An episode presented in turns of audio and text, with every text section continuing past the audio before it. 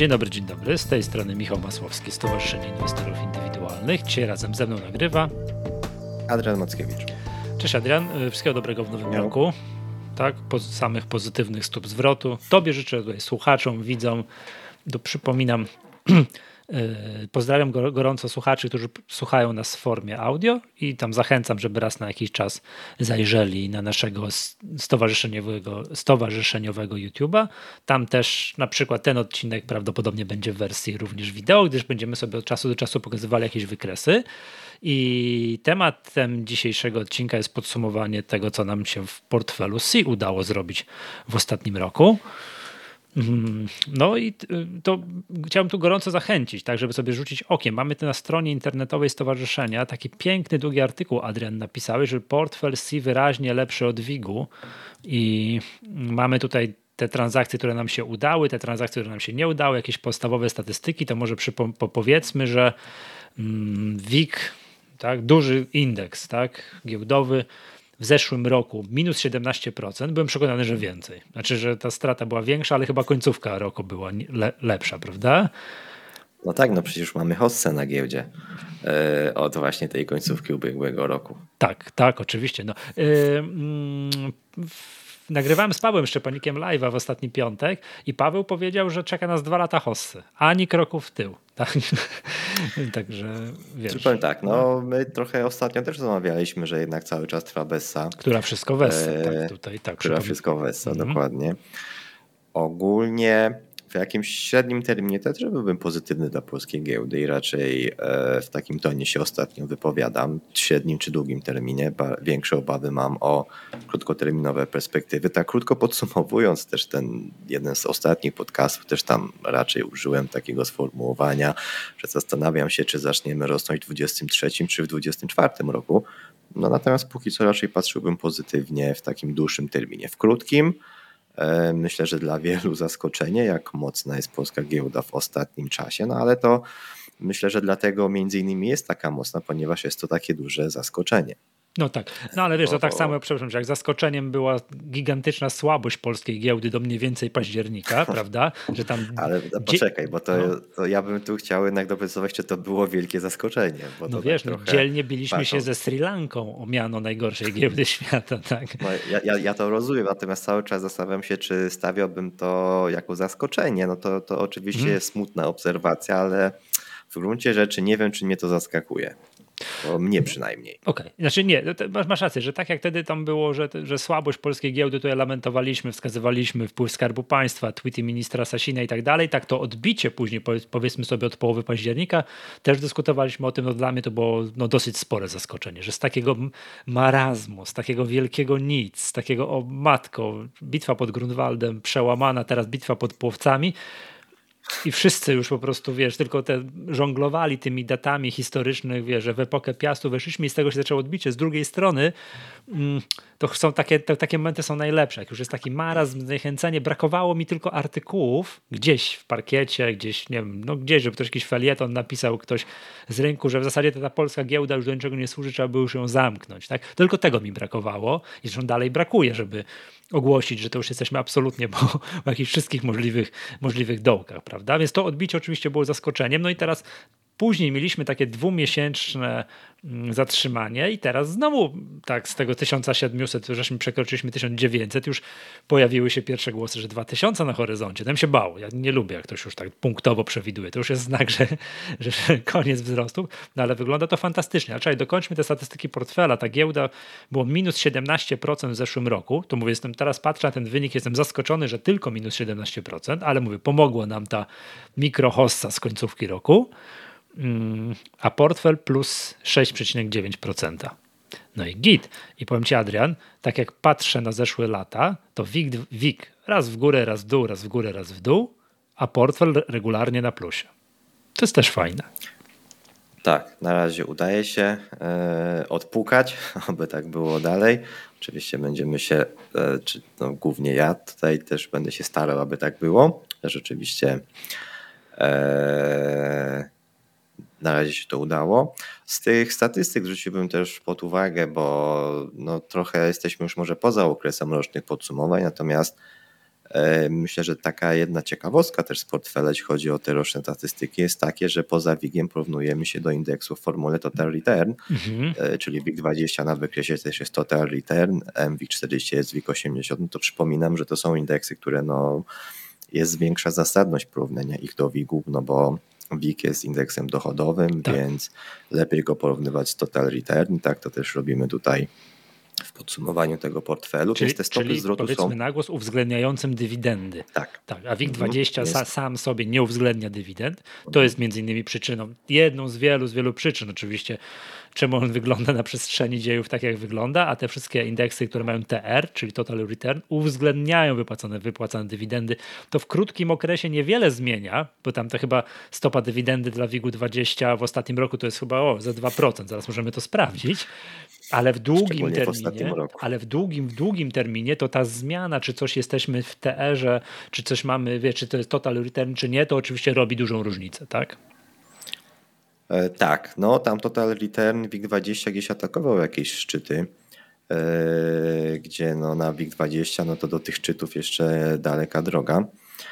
E, więc tak, to, to, to na pewno też może jako taka ciekawostka przypomnienie, no bo jednak często patrzymy na te indeksy standardowo, WIG, WIG20 i tak dalej. No, z jednej strony porównywalny, z drugiej strony trochę nie, no to też trochę tłumaczy, dlaczego WIG E, atakował szczyty wszechczasów, a WIG20 nie bardzo, no bo jednak w takim dłuższym, dłuższej perspektywie kilku lat, choć może ostatnie nie były też specjalnie udane pod względem dywidend, no to jednak jednak im dłuższy termin, tym bardziej ten wpływ jest mm -hmm. widoczny. Mm -hmm. A teraz sprawdźmy sobie, pokażemy przy okazji, jak to sprawdzić, że to jest WIG20 i teraz stopa dywidendy i tak aktualnie jest 2,6%, tak, że tak na no tak, no bo kursy wzrosły, dywidendy nie, no to, to oczywiście stopa dywidendy się obniżyła, no to nie jest, nie jest dobrze, prawda?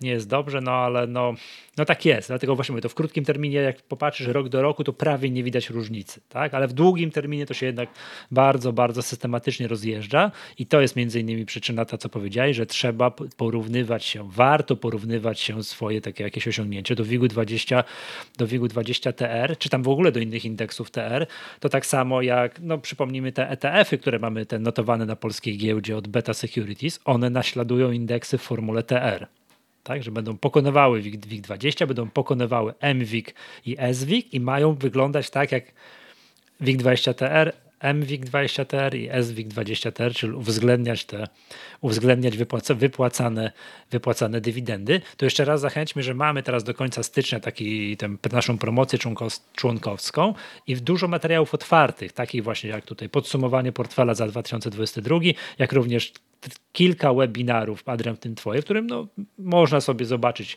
co później członkowie Stowarzyszenia Inwestorów Indywidualnych przez cały rok, przez cały rok dostają. Dostają też między innymi dostęp do portfela C. I zanim przejdziemy tutaj, poproszę Cię o wymienienie trzech najfajniejszych inwestycji, które zrobiły nam ten wynik, tak, jak również oczywiście podzielimy się mm, tymi trzema najgorszymi inwestycjami, bo to na tym polega giełda, tak, to jest inwestowanie, że raz jest lepiej, coś zawsze nam wynik zrobi, a coś nam ten wynik troszeczkę ściągnie w dół, to powiedzmy bardzo ważną sprawę nasz portfel jest robiony na realnych pieniądzach. Tak, że to są prawdziwe pieniądze i w odcinkach podsumowujących mm, poszczególne transakcje w portfelu ty czasami zamieszczasz screenshoty z prawdziwego rachunku. Tak, to są... No możesz tutaj też przeskorować trochę tak? niżej ten artykuł mhm. na te o, propozycje, no i widać, że te potwierdzenia tutaj są kupna i zakup, tak, że... kupna i sprzedaży, więc Mhm. Tak. Screeny z rachunku, teraz mamy w Nobe Securities ten rachunek i to są właśnie z tej platformy transakcyjnej e, zrzuty no, tych prawdziwych tak. transakcji. To też powiedzmy, że wpływ na nasz, na nasz e, na wynik portfela mają no, prowizje maklerskie, może czasami jakieś obsunięcia tutaj, takie poślizgi cenowe, jak gdzieś tam się nie uda zrobić transakcji po jakiejś cenie. No wszystko ma znaczenie, czyli płynność i tak dalej, no ale tak naprawdę największą jakby cechą, nie chciałbym powiedzieć, że zaletą, ale no, no nie, chyba zaletą z punktu widzenia obserwatora takiego, takiego portfela jest to, że są emocje tam po drodze, tak? Jak masz prawdziwe pieniądze, prawdziwy, prawdziwy rachunek i trzeba zawrzeć transakcję faktycznie na, na realnej kasie, no to się zupełnie inaczej zawiera niż wpisuje się gdzieś tam do arkusza kalkulacyjnego. Tak? Więc my mamy prawdziwy rachunek, którym, którym tutaj możemy się pochwalić. E, to prawda, zgadza się. E, może jeszcze zanim przejdę do mhm. omawiania tych spółek, to skoro rozpoczęliśmy o tych indeksach, to może jakbyśmy na stoka mogli się jeszcze na mhm. chwilę przetransportować i pokażmy ten WIG20 Total Return. Mhm. E, w jakimś dłuższym horyzoncie może? I możemy go sobie zestawić z WIGiem 20, jakbyś wiesz, tak, chciał, czyli porównać z. E, nie, to tak tylko ogólnie na szybko zobaczyć, jak to mniej więcej jest. No i może nawet tam 5 lat y, kliknąłeś, bo ja stąd tak, za bardzo nie lat, widzę, bo jest takie małe. To może nawet 10 dajmy. O, tu będzie widać, tak, no. że WIG 20 przez 10 lat to jest około minus 20 parę procent, tak się złożyło, a WIG 20 TR to jest jakieś tam, no plus 008, no ledwo co, tak, ale to, no, to już możemy jeszcze dłuższy, 20 lat, tak, 20 lat, WIG 20 przez ostatnie 20 lat, no to już jest w ogóle strasznie długi okres, to jest około 0%, a WIG 20 TR to jest około około 90%. To, to jest ta różnica przez 20 lat, tak? No to jest. No to, tak. To na co ja z kolei chciałem wskazać, no to tak jak widzimy, te szczyty historyczne na, na Wingu Totaliter no były dwukrotnie atakowane e, i gdzieś ten indeks tam podchodził. No, na Wingu 20 tego nie obserwowaliśmy. Mhm. Więc to jest jedna ciekawostka. A jeszcze druga ciekawostka, jak mógłbyś włączyć WIG e, w dolarze.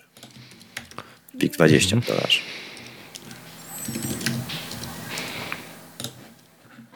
No i tu jakaś bez porównania i krótsza perspektywa.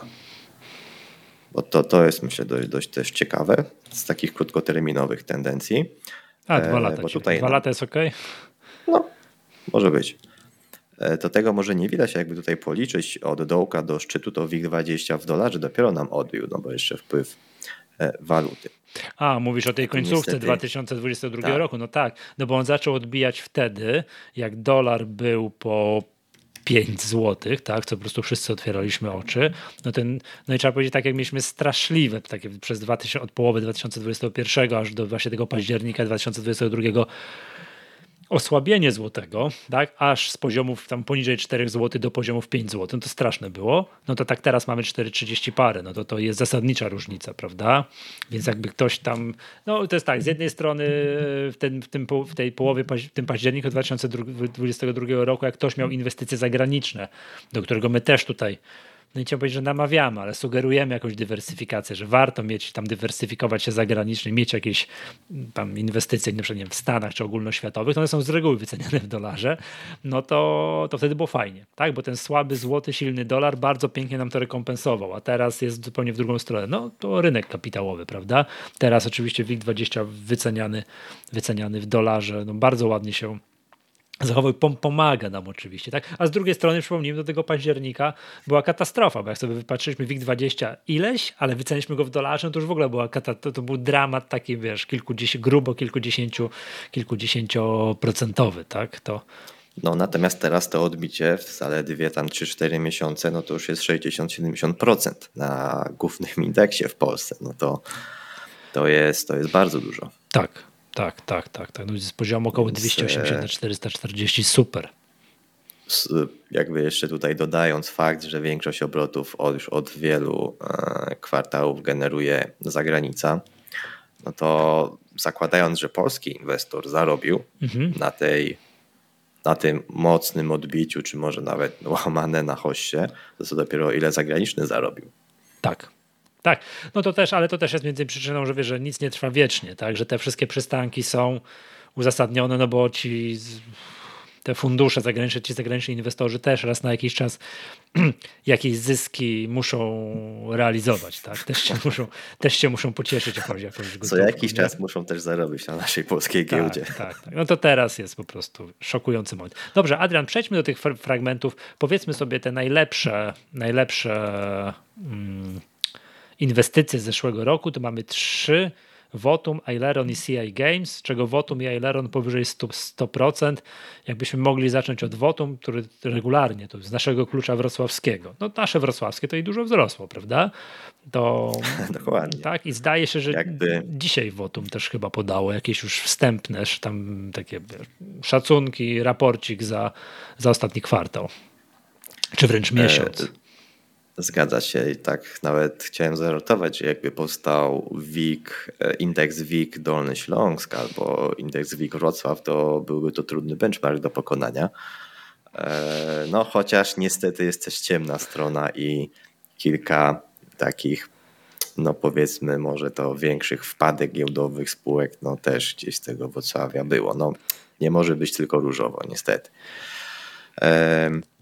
Jeśli chodzi o Wotum, no to faktycznie tyle razy już e, opowiadaliśmy o Wotum, więc co tu, co tu jeszcze dodać? Oczy, o, oczywiście dane za grudzień zaskoczyły mnie. To muszę przyznać, że mnie zaskoczyły pozytywnie. Nie spodziewałem się, że w grudniu będzie jeszcze więcej wyroków niż w listopadzie. No i spółka gdzieś przebąkiwała w tym 2022 roku, że zbliży się do tysiąca wyroków miesięcznie. No i faktycznie w grudniu tak było. Ponad tysiąc pozytywnych wyroków w sprawach e, bankowych, mhm. sprawach frankowych. No i to jest zaskoczenie, no bo grudzień to okres świąteczny, jakby z raportów miesięcznych, które spółka właśnie od od poprzedniego roku publikuje, no jakby liczba rozpraw, o których komunikowała, też była niższa niż, niż w listopadzie, więc wydawało się, że tych wyroków może być mniej. No, okazało się, że grudzień rekordowy i tysiąc e, przebite. Więc bardzo dobry miesiąc, bardzo dobre zakończenie roku dla, dla spółki, ten czwarty kwartał. E, no, patrząc na, e, na to, że jeszcze trzeci kwartał był pewnymi zdarzeniami jednorazowymi obciążony, no to czwarty kwartał szykuje się rekordowy. Mhm. No i zobaczymy, co przyniesie pierwszy kwartał, bo tu z kolei e, w tych miesięcznych raportach spółka też podaje właśnie tą liczbę wyroków, e, przepraszam, liczbę rozpraw, które mają być przeprowadzone w styczniu. No i ta liczba znowu maleje. E, tak miesiąc do miesiąca jest mniejsza niż w grudniu, mniejsza niż w listopadzie, więc wydawałoby się, że tych wyroków też może być mniej. Natomiast zobaczymy, czy też po grudniu nie będzie tu jakiejś niespodzianki. No i to też są jakieś, pamiętajmy, wstępne, e, wstępne dane. Rozprawy, które są już tam zakomunikowane, że się odbędą, to nie jest jakby twarda liczba. Rozpraw może być mniej bądź e, więcej w tym danym miesiącu w zależności jak to się tam ułoży, procedowanie e, w sądach. E, no natomiast e, czwarty kwartał perspektywy bardzo dobre wynikowe, pierwszy kwartał. Ogólnie wydaje mi się, że ten 23 rok to co najmniej do czwartego kwartału baza nie jest wygórowana i tutaj spółka ma przestrzeń, żeby mocno zwiększać wyniki rok do roku. Zobaczymy jeszcze tutaj w raporcie okresowym, jak dokładnie to wypadło w czwartym kwartale. Te, te, te zyski. Natomiast raczej będzie to rekordowy kwartał w tym roku. E, no i tak naprawdę taka była idea, taki był pomysł inwestycyjny, kupując Votum do portfela, czyli właśnie spółka, mm, spółkę kupiliśmy pod koniec marca. Wtedy już zakomunikowała, że będzie raporty miesięczne publikować, więc no, oczekiwaliśmy tu raczej dobrych danych z tych raportów miesięcznych. Odpraw będzie coraz więcej. Kwartalnie zaczęła podawać wstępne szacunki wyniku segmentu bankowego, więc też oczekiwaliśmy pozytywnych, też takich właściwie na bieżąco pozytywne informacje z wodu.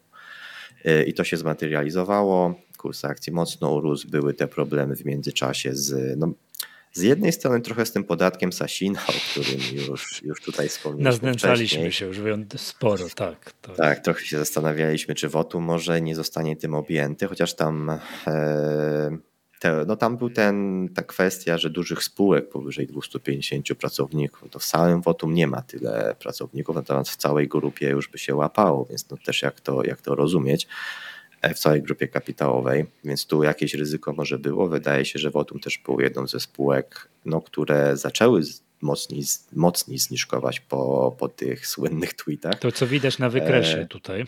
Tak, tak, mamy A tak. właśnie jeszcze druga sprawa jest, chwilę później weszła restrukturyzacja przymusowa Getinu, no a jak wiemy Votum dużo wygrywało z Getinem, no i bo Getin, e, przypomnijmy, akurat. dużo kredytów frankowych, z którymi się Votum sądzi i tak, tak, to wszystko się łączy. Tak, no mhm. i, i te kredyty nie przeszły do nowego banku. Tam e, było pytanie, czy dalej będzie mogła spółka w normalnej drodze się sądzić z tym, z tą pozostałością Getinu i, i tam różne różne dziwne kwestie były. Wotum zalecało w ogóle zaprzestania e, spłat rat przez klientów, więc e, no i też odpisało jakby tam chyba 7 milionów czy 8 na te sprawy getinowe, więc ten trzeci kwartał był pod taką presją, ale była to krótkoterminowa presja.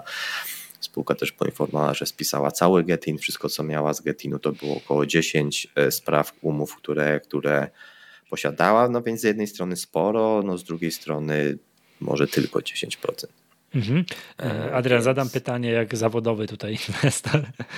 Ile będzie dywidenda z WOTą w przyszłym roku za ten rok? No bo za, w tym roku była dywidenda raptem 40 groszy. No to, to, to, to nie robi na mnie wrażenia. A wotum jest w tym marcu, o którym mówisz, było poniżej 20 zł, a dzisiaj właśnie dotyka prawie 55 ile według ciebie może wynieść, tak wiesz, patrząc wiesz, proporcjonalnie wynik za tamten rok dywidenda, wynik za ten rok dywidenda, ile według ciebie może zamknij jedno oko i powiedz, ile będzie wynosiła dywidenda z wotum tam wypłacona no, w tym roku już. Jakby tą poprzednio roczną pomnożyć razy 10, to pasuje mi. Tak zamykając jedno oko. Okej. Okay. Powiem tak, no jakby tutaj Votum też jest spółką, która jest w programie wsparcia analitycznego GPW. Mhm. Dom Maklerski Boś pokrywa, czy biuro, nie, to jest Dom Maklerski. Domek, tak. E, więc pokrywa. tutaj raporty są publicznie dostępne. Sam Boś w ostatnim prognozował na ten rok 3,70. 3,70 groszy na akcję dywidend. Okej. Okay. E, no i tak jak mówiłem, perspektywy na 23 rok są jeszcze lepsze niż na 22 wynikowo, więc w przyszłym, w przyszłym roku wydaje się, że tam jest potencjał, żeby jeszcze wyższa była ta dywidenda, a spółka akurat mocno też podkreśla to, że jest dywidendową, że chce się dzielić. No więc raczej bym tutaj oczekiwał, że w tym i przyszłym roku dywidenda będzie rosnąć. Pytanie, jak będzie wyglądał 2024 rok dla spółki, no ale to chyba jeszcze. To będziemy się martwili za rok. Żeby... Tak jest. Tak. No dokładnie, to się będziemy martwili e, za mhm. rok. A jeszcze chciałbym, jak jesteśmy przy Wotum, tutaj polecić, mamy na stronie, znaczy na naszym forum super fajny, aktywny, merytoryczny wątek poświęcony Wotum, gdzie akurat o, widzę, że dzisiaj, tak? no właśnie ten wykresik z tego, z tego, rozumiem, miesięcznego raportowania WOTUM odnośnie wyroków, które zapadają, tak? I to, to dzisiaj się stało, że WOTUM zaraportowało, że to przekroczenie tych liczba wyroków w sprawach bankowych i że za grudzień przekroczyła tysiąc. No to, to, to, takie, to takie rzeczy się dzieją, plus jakieś tam wiesz, dyskusja jest bardzo, bardzo fajna. Także to też do tego też zachęcam, żeby na nasze forum dla członków stowarzyszenia wchodzić. Mamy bardzo fajne, merytoryczne, bardzo fajne, merytoryczne forum w tym, w tym zakresie. Dobrze, weźmy drugą spółkę, Aileron, którą kupiliśmy. Oj, dawno. No, dość dawno. Da, dawno, czyli Aileron to jest inwestycja z brodą, widzę w październiku, ale 2020 roku. Zgadza się. Aileron trochę był w portfelu. Eee, trochę, trochę tutaj Powiedziałbym, że byliśmy cierpliwi dla Aileronu. Eee, no teraz trochę żałuję, że nie poczekałem jeszcze dłużej z tym Aileronem, bo miał bardzo mocną końcówkę roku, jeśli chodzi o kurs akcji. No natomiast od, od sprzedaży to faktycznie trochę ten kurs akcji jeszcze spadł. Eee, więc trochę więcej nerwów by było w tej drodze, trzymając go dłużej. No natomiast faktycznie Aileron już po wynikach za trzeci kwartał 2020 roku wskazywał na czy dawał perspektywę, dawał szansę na to, że to momentum wynikowe faktycznie będzie się odwracało. Właściwie jakbyś tutaj włączył, nie wiem, 5 czy 10-letni wykres, no to on nie jest aż taki różowy. Czy Aileron miał co odrabiać? Aileron miał co odrabiać i był tam w dość długim trendzie spadkowym. E, kurs, zresztą tak jak wyniki, może nie będę tego przytaczał, ale to jest ciekawa o, historia. Dysku, dyskutowaliśmy o Aileronie wielo, wielokrotnie. Tak, już nie raz, tak. Dokładnie. Natomiast faktycznie od tego trzeciego kwartału 20 zaczęło się to poprawiać. Kurs akcji to uwzględnił w międzyczasie sprzedaż Software Lines, czyli segmentu outsourcingu usług IT e, do mm, tutaj pozyskanie mm, inwestora zewnętrznego finansowego mocno zasilona w gotówkę, w dokapitalizowana e, spółka, która też zaczęła rosnąć przez akwizycję, bo miała na to no, dodatkowy kapitał właśnie z tej sprzedaży i dokapitalizowania, czy właściwie z dokapitalizowania, no bo sprzedaż, zyski ze sprzedaży jakby Aileron otrzymał ze sprzedaży swoich akcji. No i z jednej strony to pozytywnie wpłynęło na dynamiki tego Software Minds, no z drugiej strony spółka miała połowę udziałów w tym nowym podmiocie, a to był główny główna, główny segment, który generował zyski w Aileronie na dobrą sprawę jedyny.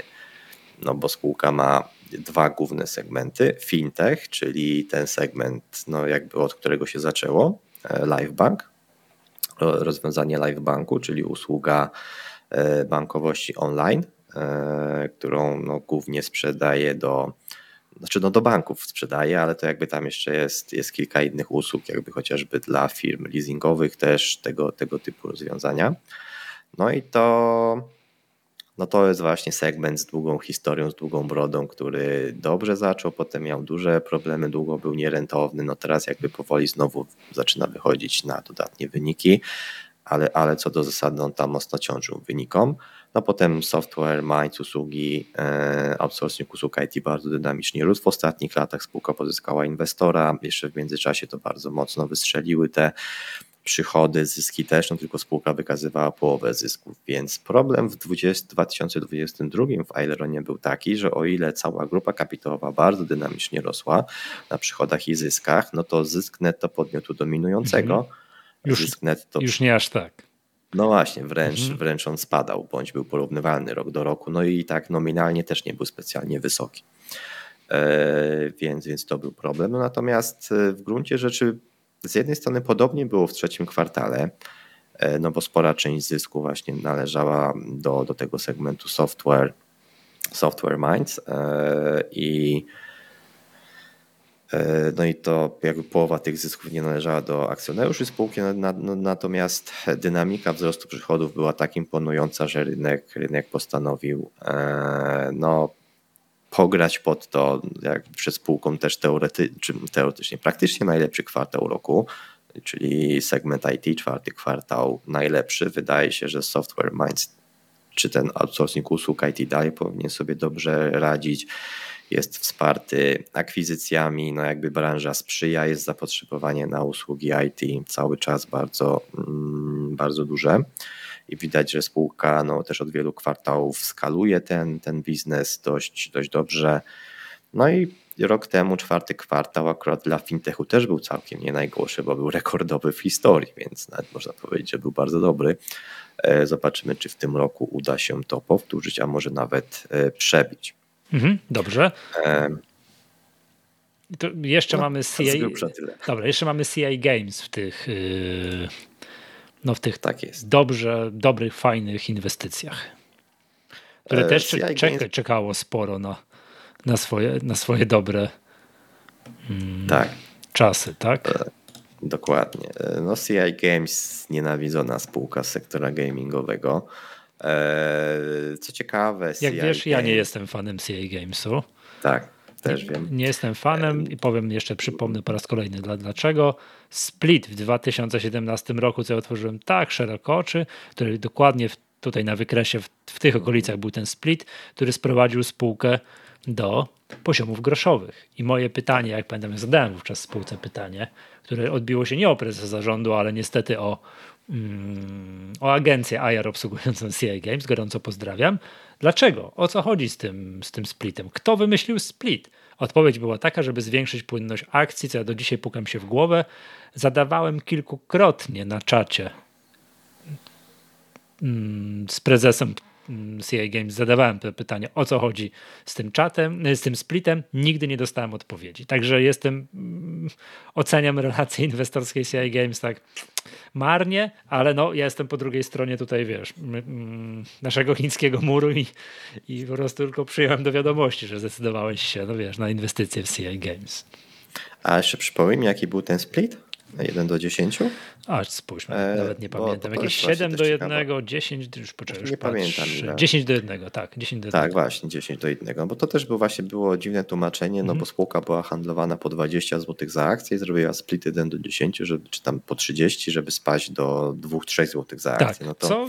To, wiesz, gdyby to była spółka po 300, po 3000, no to to rozumiem, tak? tak. Kiedy LPP Jakby LPP zrobiło split, to rozumiemy czemu, tak, żeby oczywiście. zwiększyć płynność, ale... Nie, to tłumaczenie było absurdalne.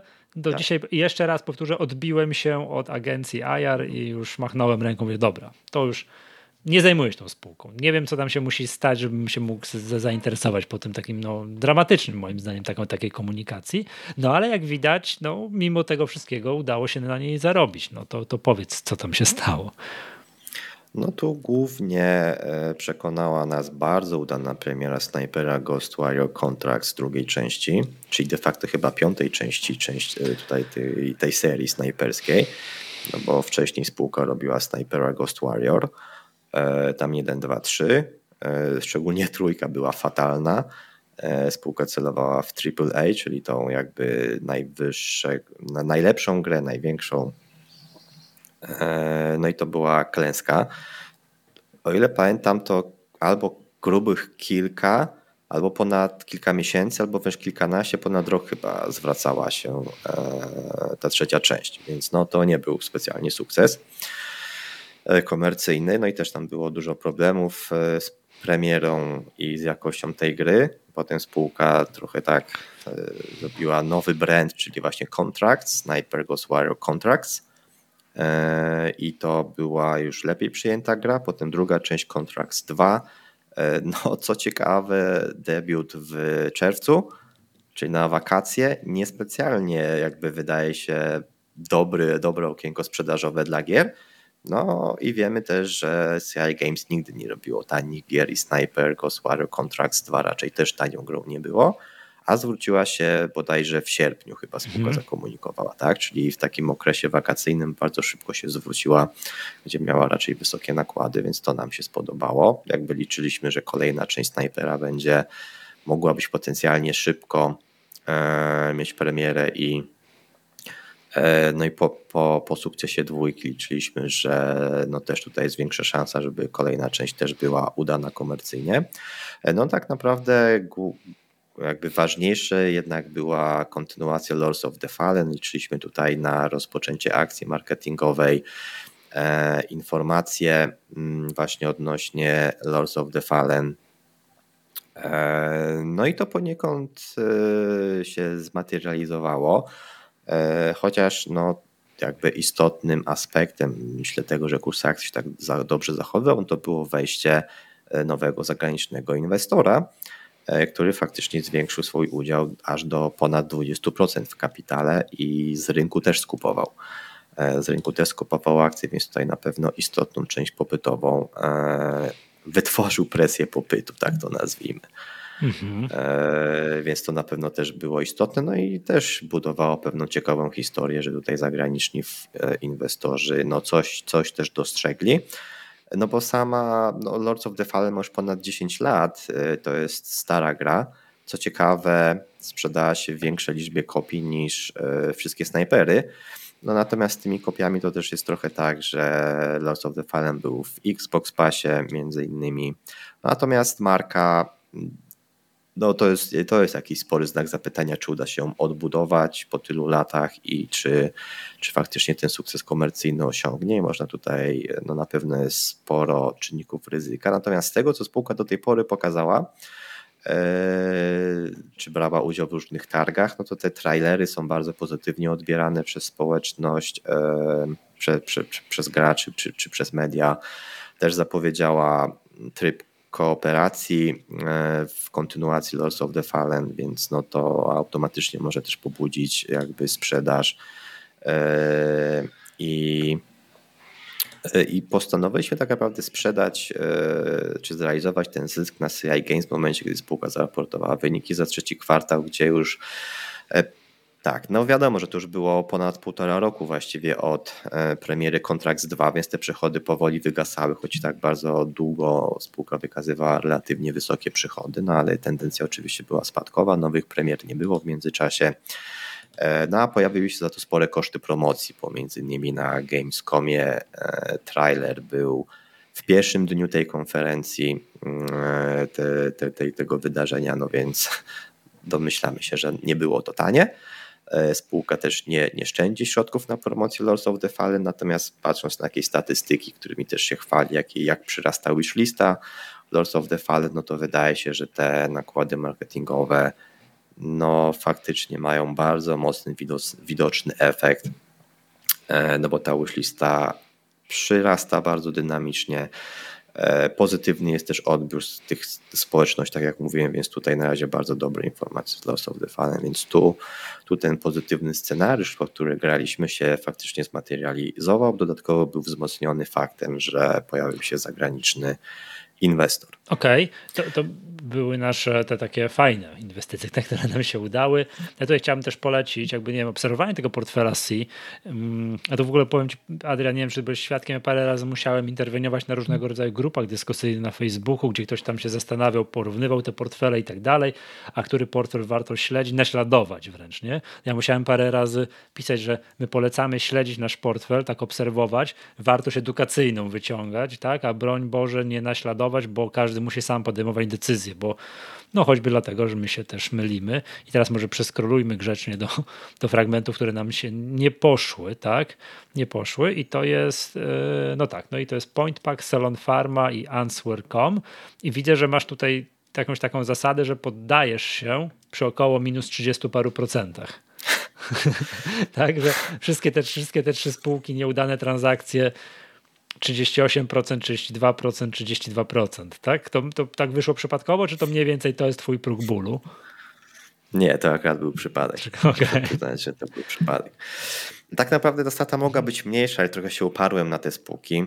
Eee, o tyle miałem szczęście, że zamknąłem Point Selon Farmę przed wybuchem wojny na Ukrainie, no bo tam był jeszcze oczywiście po, po, po wybuchu mocny zrzut na tych mhm. spółkach więc ta strata mogła być jeszcze większa, więc tutaj się udało. No to jakby nie ma co ukrywać, miałem po prostu szczęście.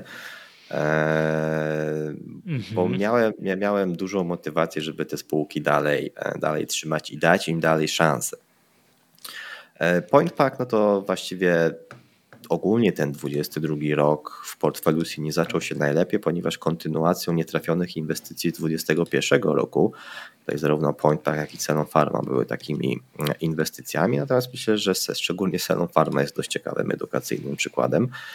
E, zaczynając od Point Parka, na którym faktycznie mhm. była największa e, strata, prawie 40%, E, no to faktycznie branża e-commerce, byłem pozytywnie nastawiony do branży e-commerce, natomiast ostatecznie, no jakby ogólnie e, spółki z branży mocno taniały, e, co obserwowaliśmy na przykładzie Allegro czy Impostu.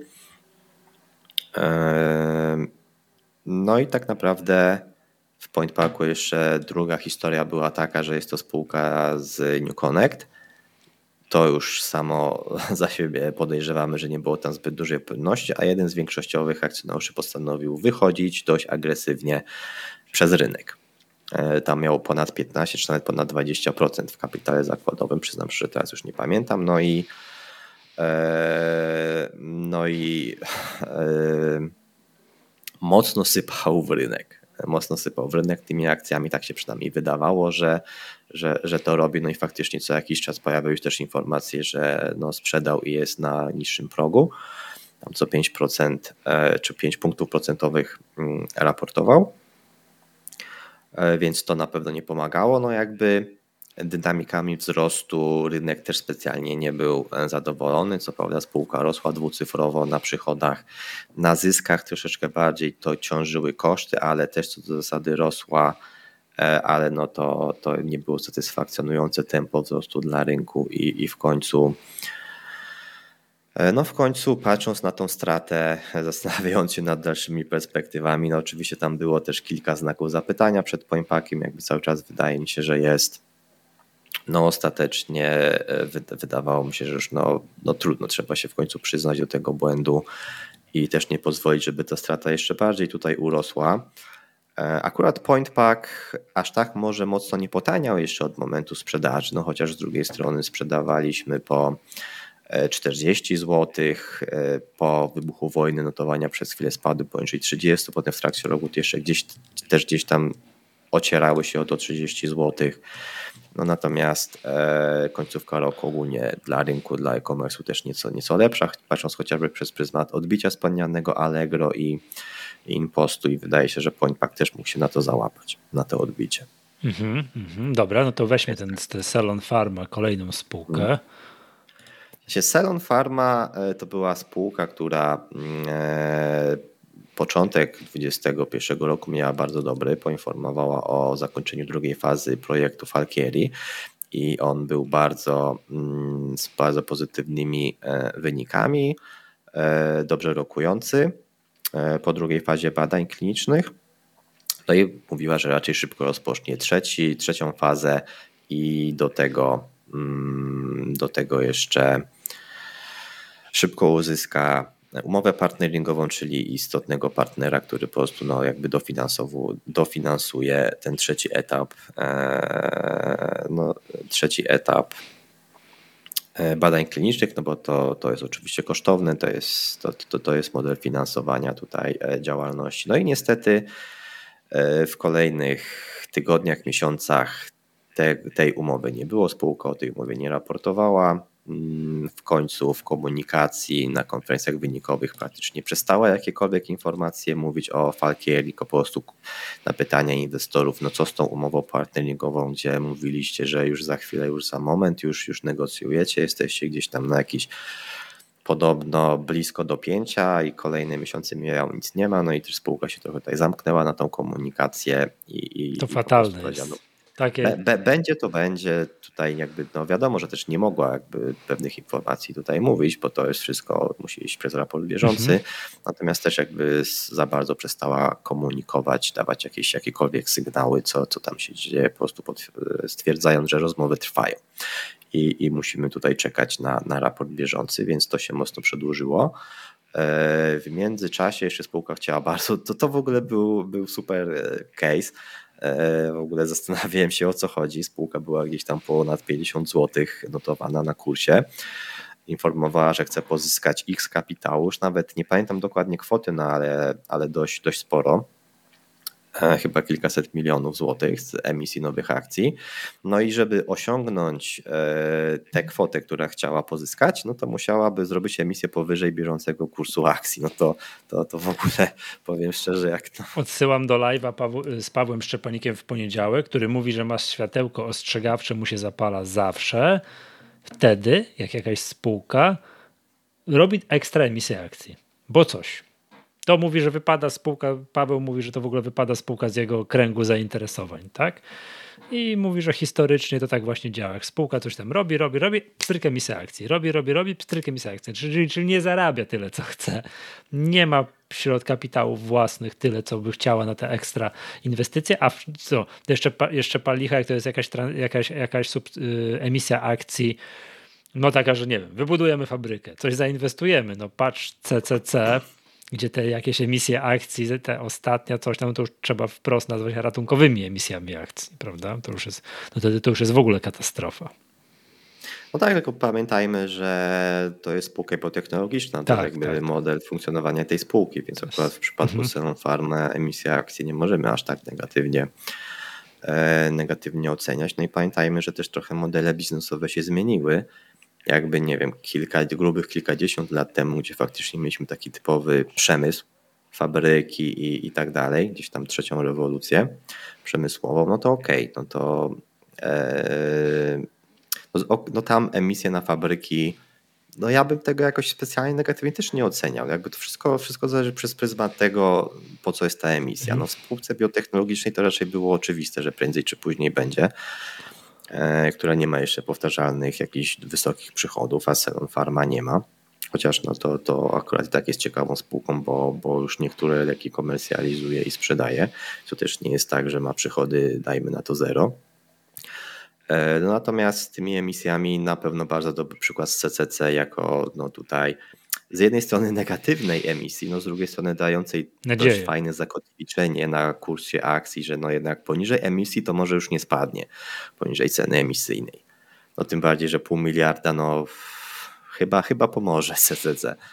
No ale to może nie wchodźmy znowu na tak, CCC. Tak, tak, to jest nasz ulubiony jest antyprzykład historia. oczywiście. Tak, spróbujmy też dzisiaj wyjątkowo o CD Projekcie nie rozmawiać, bo przecież lubimy. Tak, Dokładnie. Tak, dobrze. I weźmy jeszcze jedną spółkę, której, którą też jakby no przyznaliśmy się do do, do porażki, czyli answer, no to jakbyś wiedział, co się stanie, to byś się przyznawał do porażki, czy jak to, jak to E, tak, tak.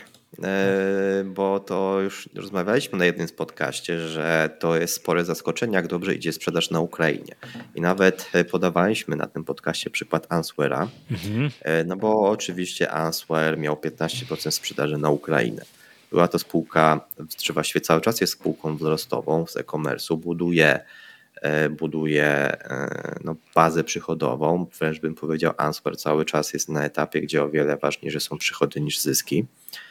E, no i jak nagle odpada rynek ukraiński, który generuje 15% przychodów, mamy wojnę, mamy obawy o, no, o wiele rzeczy, tak? Jak się, jak się zachowają konsumenci. Odpada jeden rynek. Dodatkowo no, jest kryzys na Nazwę to w cudzysłowie kryzys kosztowy. No, oczywiście dolar się umacnia, co dla spółek odzieżowych nie jest pozytywne. Mhm. E, jakby wszystkie znowu koszty frachtu i tak dalej, wszystkiego rodzaju koszty rosną. Zakładając, to... że sprowadzają z Chin produkcję. No skądś na pewno sprowadzają mhm. i Chiny na pewno są jakimś tam istotniejszym też kierunkiem.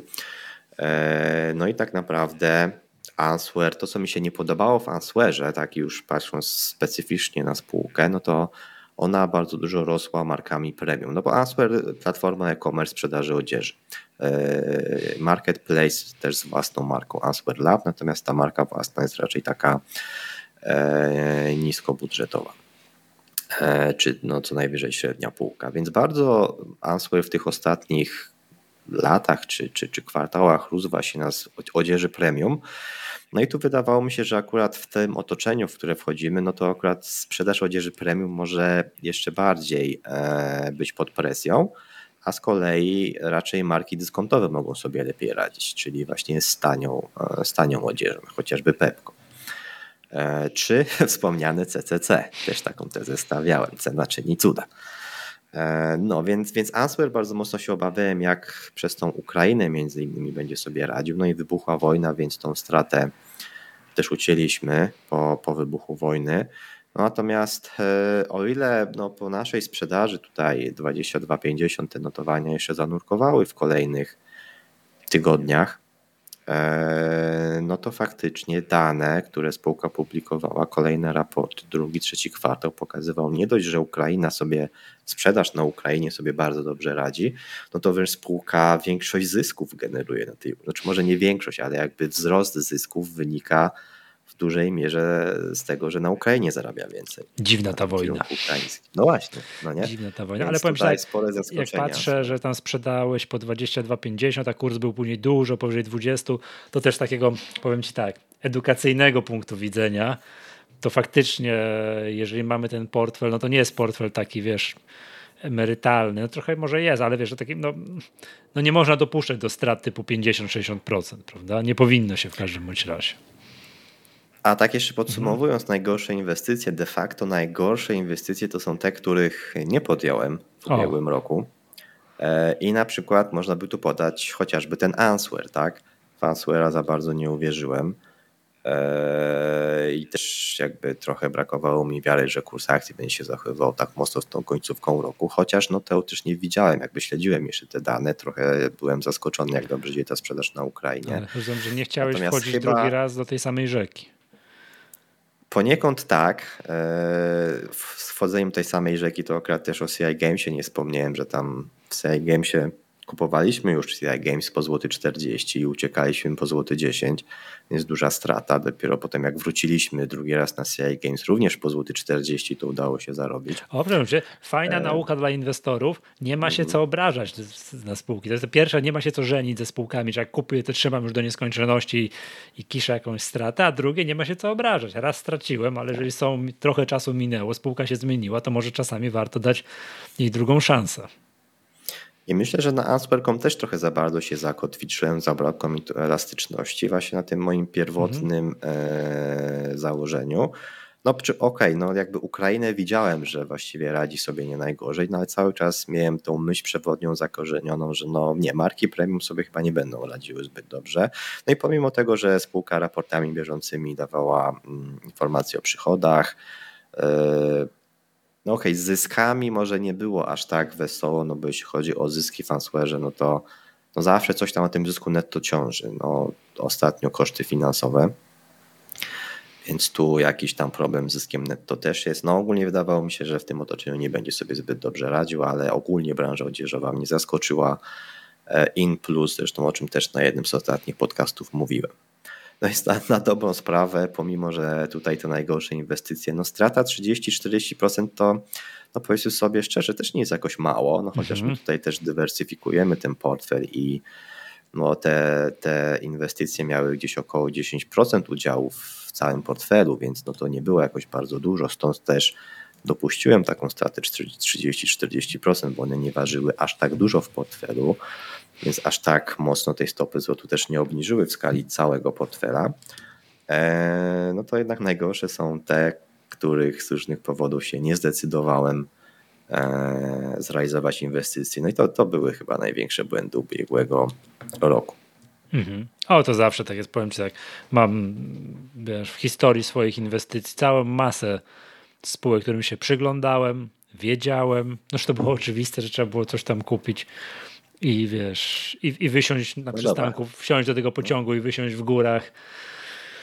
No cóż. To dam no. krótki przykład. No. E, przyznam szczerze, że o ile pandemia mnie bardzo dużo nauczyła jako inwestora i analityka, e, jakby dzisiaj zupełnie inaczej patrzę na rynki i, i tych emocji jest we mnie o wiele mniej po tym, co się działo e, po pandemii, no to przyznam szczerze, że wojna też była dla mnie czymś, czymś nowym, jeśli chodzi o takie no, czymś nowym, no, co tu dużo mówić. I może nie chcę użyć takiego mocnego słowa, że trochę mnie sparaliżowało, ale miałem problem jakby w tym okresie in, inwestować. Niektórzy to nazywali kacem moralnym, więc chyba miałem też coś takiego, co było. Aha, że tam się dzieją tragedie ludzkie, a, a my tak. tutaj próbujemy stopy zwrotu na mhm. portfelu wykręcać, tak? To... Więc, mhm. więc, więc jakimś było to dla mnie nowym uczuciem, jeszcze w portfelu publicznym gdzieś ten było zawsze trochę wzmocnione. Wiem, zaróbmy na wojnie. Tak, ja wiem, to jest oczywiście straszne, nie? Ale mhm. no, no cóż, no, e, takie życie. Natomiast pamiętam, że bardzo mocno myślałem wtedy o XTB, no i się nie zdecydowałem na to XTB. No a to właściwie była spółka ubiegłego roku, jedna ze spółek ubiegłego roku. E, więc, więc to na pewno jest taki jeden z większych błędów, że do XTB nie wróciłem wtedy. No i XTB, tak jak e, wielokrotnie dyskutowaliśmy, było fantastyczną spółką covidową, mhm. prawda, co zresztą tu widać na wykresie. No później taki długi trend boczny i teraz jest fantastyczną spółką wojenną. No. Tak, ale też od razu XTB powiem szczerze, że ja tam gdzieś w Chojcach poniżej 15 zł wtedy to chodziło i się zastanawiałem, czy nie kupić. E, no to faktycznie no teraz to urosło powyżej 30, ale to od razu mówię, że mnie nie, nie dotrzymał. Po wynikach za drugi kwartał bym sprzedał. Oczekiwałem, że trzeci kwartał negatywnie zaskoczy wynikami. Okazało się wręcz przeciwnie, zaskoczył pozytywnie. E, trzeci kwartał fantastyczny dla spółki, no i też widzimy tutaj e, była taka konsolidacja tam powiedzmy w drugiej połowie roku i luka wzrostowa, wybicie właśnie po szacunkach za trzeci kwartał i wzrost na te historyczne szczyty, no to tam by mnie już raczej nie było, bo może bym wrócił, ale, ale no Och, jeszcze raz przypomnijmy. Analiza wsteczna zawsze skuteczna i ja też mam plecaku mogę sobie odnotowywać ze łzami w oczach, o przecież wiedziałem, że trzeba było kupić, nie? Że przecież to jest, jak to? No oczywiście, że trzeba było kupić, prawda? No, także to na, na, na spokojnie, tak? To jakby jeszcze raz wróćmy do tego portfela, to co jest jakby rzeczą, która tutaj jest, no uważam, że warto podkreślić, to jest kształt tej krzywej kapitału, że są fajne okresy do góry, są jakieś okresy, gdzie to koryguje, jest gdzieś tam w dół nam spada i tak dalej, ale że to nie są jakieś dramatyczne spadki, że to jakby wiesz, że ten wykres tej krzywej kapitału przez to, że my też inwestujemy trochę podobnie w portfelu C, trochę jak ja w swoim prywatnym portfelu, czyli mm, pojedyncze inwestycje nie ważą aż tak dużo. Więc nawet jak się zdarzy jakaś tragedia na pojedynczej inwestycji, no to to ja wiesz, mogę spać spokojnie, ręce mi nie drżą, no bo tam spowoduje mi spadek na wartości portfela na całości, nie ma 5% spadnie, tak jak gdzieś tam mi się jakaś, wiesz, inwestycja dramatycznie posypie, prawda? Więc w związku z tym, oczywiście to ma też w drugą stronę przełożenie, że jak mam w prywatnym portfelu coś, co super wzrośnie, ja patrzę na pojedynczą inwestycję, ależ grubo, trzycyfrowy wzrost, o, no to już, już zaczynam już to to już jestem zadowolony, to patrzę na całe wartości portfela, aż tak tego nie widać. Tak? Więc są dwie strony tego samego medalu, prawda? No to ja wybieram jednak to, żeby przy tych spadkach aż tak bardzo nie cierpieć, jak mam do wyboru, tak? Mógłbym wiem o co chodzi, tak? Ja wolę spać spokojnie i nie zarobić jakichś pieniędzy niż, niż tracić dużo pieniędzy, bo wiem jak to po prostu fizycznie boli, prawda? Także i, no i w portfelu jest dokładnie tak samo, tak? Nawet jak coś nam się posypie, to tego aż tak bardzo nie widać, tak? Oczywiście mówię, no to wotum plus 100 parę procent, no to tego też niestety aż tak bardzo nie widać, ale no mówię, to, to moim zdaniem tak to się powinno robić, tak? Ten portfel umiarkowanie zdywersyfikowany, że te pojedyncze transakcje to nie są za dużo pieniędzy po to, żeby spokojnie spać. No właśnie, dlatego też chyba, tak jak na, na początku mhm. mówiłeś, e, jeśli ogólnie chodzi o jakieś portfele, no to raczej nie kopiowanie, ale no argumenty, dlaczego ktoś coś tak. kupił, jakby przez pryzmat jakiego, wszelkiego rodzaju portfelów, bardziej patrzyłbym na argumentację, dlaczego takie, nie inne decyzje są podejmowane. No a jeśli chodzi o zarządzanie, no to nikt tej lekcji nie odrobi za nas, tym bardziej, że każdy mhm. jest inny, każdy ma inny apetyt na ryzyko, każdy inaczej inwestuje. No i jeden właśnie będzie zwolennikiem dywersyfikacji. Ja akurat też jestem zwolennikiem dywersyfikacji. I, I ten portfel, myślę, dla celów edukacyjnych też tak powinien być prowadzony. E, no a jeśli ktoś, ktoś ma ten większy apetyt na ryzyko, chce mieć bardziej skoncentrowany portfel i, i to, to jeśli tylko bierze to ryzyko świadomie na siebie, no to moim zdaniem jest wszystko ok. Czy to jest Natomiast... ok pod warunkiem, że idzie za tym warsztat?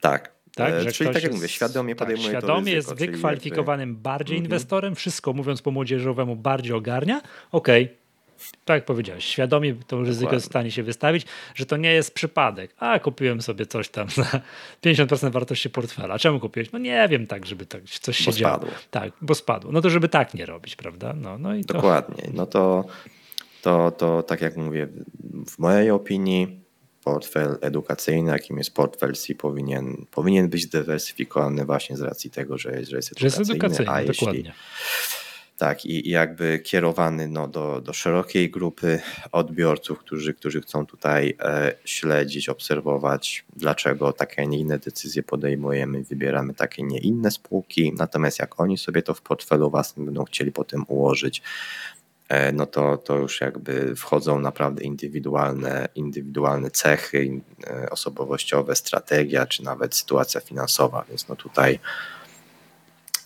no tru, tru, trudno za kogoś prowadzić portfel. Tak? Dobrze. Tak? Adrianie, będziemy zmierzali do szczęśliwego końca powoli. To przypomnijmy, że trwa w, w tym miesiącu, w którym rozmawiam, czyli w styczniu, w taka akcja promocyjna, tak? Przyłącz się do SI na korzystnych, korzystniejszych warunkach. Tutaj z tego artykułu, który podlinkujemy, tam gdzie jest ten otwarty odcinek portfela, oczywiście podlinkujemy do tej, naszej, do tej naszej wielkiej promocji. Zachęcamy, żeby się tutaj przez to pokorzystać, bo mamy taki okres, że, że sporo tych analiz jest otwartych dla wszystkich, żeby sobie zobaczyć, tak, co my oferujemy. Sporo webinarów jest otwartych i na przykład takie odcinki portfela SI, gdzie jest piękne podsumowanie tych wszystkich rzeczy. To też jest, to też jest w bieżącym y, teraz okresie się otwarte. Adrian, zanim tu skończymy, to jeszcze powiedz mi jakieś plany odnośnie portfela na kolejny rok, czy jak, jak widzisz, co, co przed nami. Dzisiaj widziałem, to już nie powiemy, bo to już tylko dla członków jest. Zamknąłeś jedną wrocławską tak. pozycję. Dobrze kojarzę? Dobrze kojarzę. Tak, i powiedzmy sobie, że zachęcamy tutaj członków stowarzyszenia do śledzenia tego i można się na forum C zapisać na taki alert, tak, że ktoś kto śledzi nasz portfel, to dostaje w momencie, jak zawieramy transakcję, to ty zrobisz odpowiedni krótki wpisik i cyk, i jest piękny alercik i wiem, że grube kilkaset osób śledzi ten wątek na, na forum C i sobie takie ma, nazwijmy to, wczesny system ostrzegania włączony. E, zgadza się. No, plany na przyszły rok na dobrą sprawę są takie jak na każdy rok. Po pierwsze skończyć na plusie, po drugie postarać się... W międzyczasie dużo nie tracić. No też, to też. E, no i postarać się, żeby oczywiście mm, tutaj argumenty za tymi danymi inwestycjami, te budowane scenariusze, no okazywały się trafne, więc tak mhm. tak naprawdę plan śledzenie rynku, śledzenie spółek, no i e, oby jak najwięcej trafnych decyzji. Tak. E, drodzy słuchacze, zachęcamy Was do, tutaj do śledzenia portfela C. Zachęcamy do szturchania nas. No najlepiej na forum C, bo tam możemy podyskutować o wynikach, o argumentacjach, a dlaczego taka spółka, a nie inna.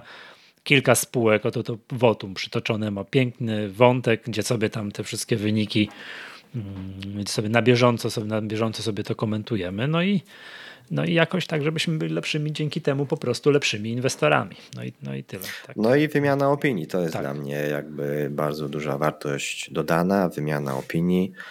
Eee, także mhm. Zapraszam tak. do, do wymiany tejże opinii, do komentowania, wyrażania własnych opinii. Ja zawsze chętnie też posłucham innych, szczególnie jeśli myślą inaczej niż ja. To, mhm. to jakby zawsze ba, ba, bardzo cenię odmienne poglądy od, mhm. od moich własnych.